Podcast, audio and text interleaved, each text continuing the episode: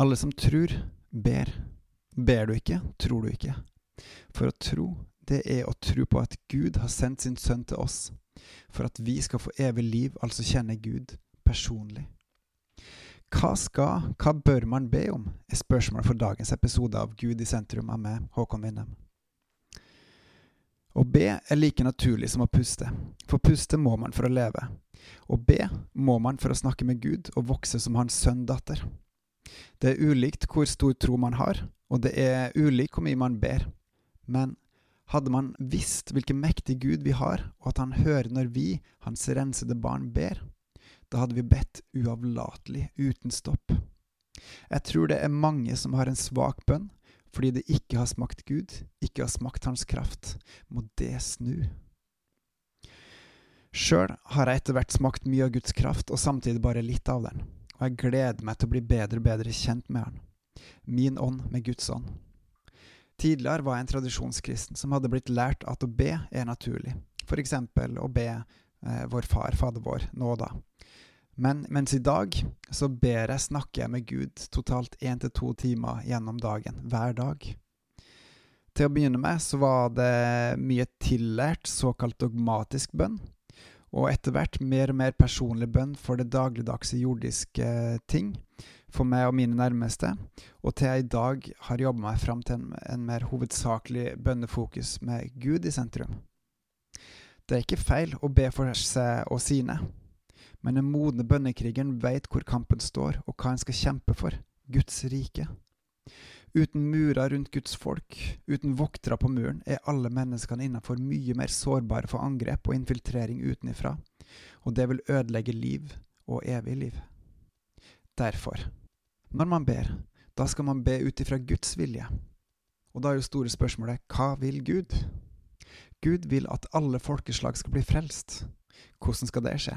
Jo, at vi, hans folk, tar ansvaret vårt og går og forkynner ordet, evangeliet om at Jesus, og kun han, frelser oss fra all ondskap i verden og i oss sjøl. At gjennom å følge Han, holde Hans ord, vil vi bli frelst. Tro på Jesus som Messias, som igjen fører til gode gjerninger, til etterfølgelse, til omvendelse fra vårt gamle, sjølsentrerte liv, gir evig liv. Det å kjenne Gud fra og med man tar imot trua. Ingenting annet frelse, ingenting annet er så mektig og sterkt at det kan hamle opp med både døden, synden og ondskapen. Bare Gud kan, og han vil. Derfor trenger vi å be Gud om å drive ut flere arbeidere, arbeidere som kjenner Han, som kjenner Hans vilje, som er drevet av Hans ånd, som tilber både i ånd og sannhet. Gud, send ut arbeidere, driv ut arbeidere som søker deg og din rettferdighet først, som spiser ditt brød og drikker ditt levende vann, som ærer deg med sitt liv, samme hva det koster, som står fast, som er drevet av din ånd, som tar del i lidelsen, som advarer og oppmuntrer brødrene våre, som forkynner ordet, for at vi, ditt folk, skal vokse til din ære, og at flere skal se at du er Gud, og at du er en god Gud. Det er bare Gud som gir tru, ikke arbeiderne.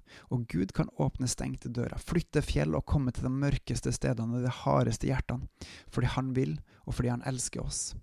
Derfor bør også vi be Han om å åpne flere dører for evangeliet, for at Hans ord og sannhet skal nå fram der Han vil. Han veit og styrer best hvor disse dørene er, ingen andre. Og derfor er vår oppgave bare å be Han åpne disse dørene, flere og flere. Og så trenger vi arbeidere som lytter, og som er lydhøre til hva Den hellige ånd sier oss om hvor dørene er, og så gå gjennom dem. Inn i det ukjente, inn i det uvisse, men i full trygghet på at Gud har kontroll, og han er med, han er der, og han vil gjøre sitt verk. Gud åpne flere dører, for ditt ord, for ditt evangelium, sånn at flere får høre om evangeliet. At flere kommer til tru, at flere våkner opp fra den sjølopptatte og onde verden og følger deg, bygger ditt rike, gjør din vilje, og tar del i din enorme kjærlighet, den som er villig til å ofre alt for det gode, sånn som du gjorde gjennom Jesus. Takk. Må også arbeiderne se disse dørene og gå, sånn at din vilje skjer, ditt navn blir holdt hellig, og at ditt rike vokser. I noen tilfeller ønsker også Gud at Hans ord skal bli nøyaktig framsagt. Som oftest er det viktigste å mate seg med Hans ord gjennom Bibelen og Hans ånd, sånn at man grunner på det dag og natt, og det blir en naturlig del av tanken, språket og levemåten.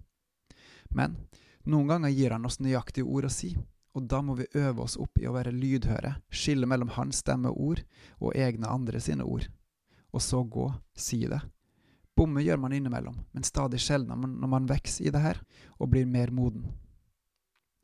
Gud, gi oss de rette ord når du vil ha sagt noe spesifikt i en situasjon til noen mennesker og må ordene nå fram til din ære, sånn at flere vender seg om og tilber deg i ånd og sannhet, sånn at ditt rike vokser, sånn at vi, ditt folk, ærer deg og tilber deg alene.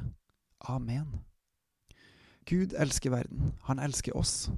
Elsker vi han tilbake, er vi med på å bygge hans rike. Da er ikke vi viktigst, men Gud. Og i denne rikdommen er det godt å være, for hans åk er ikke tunge å bære.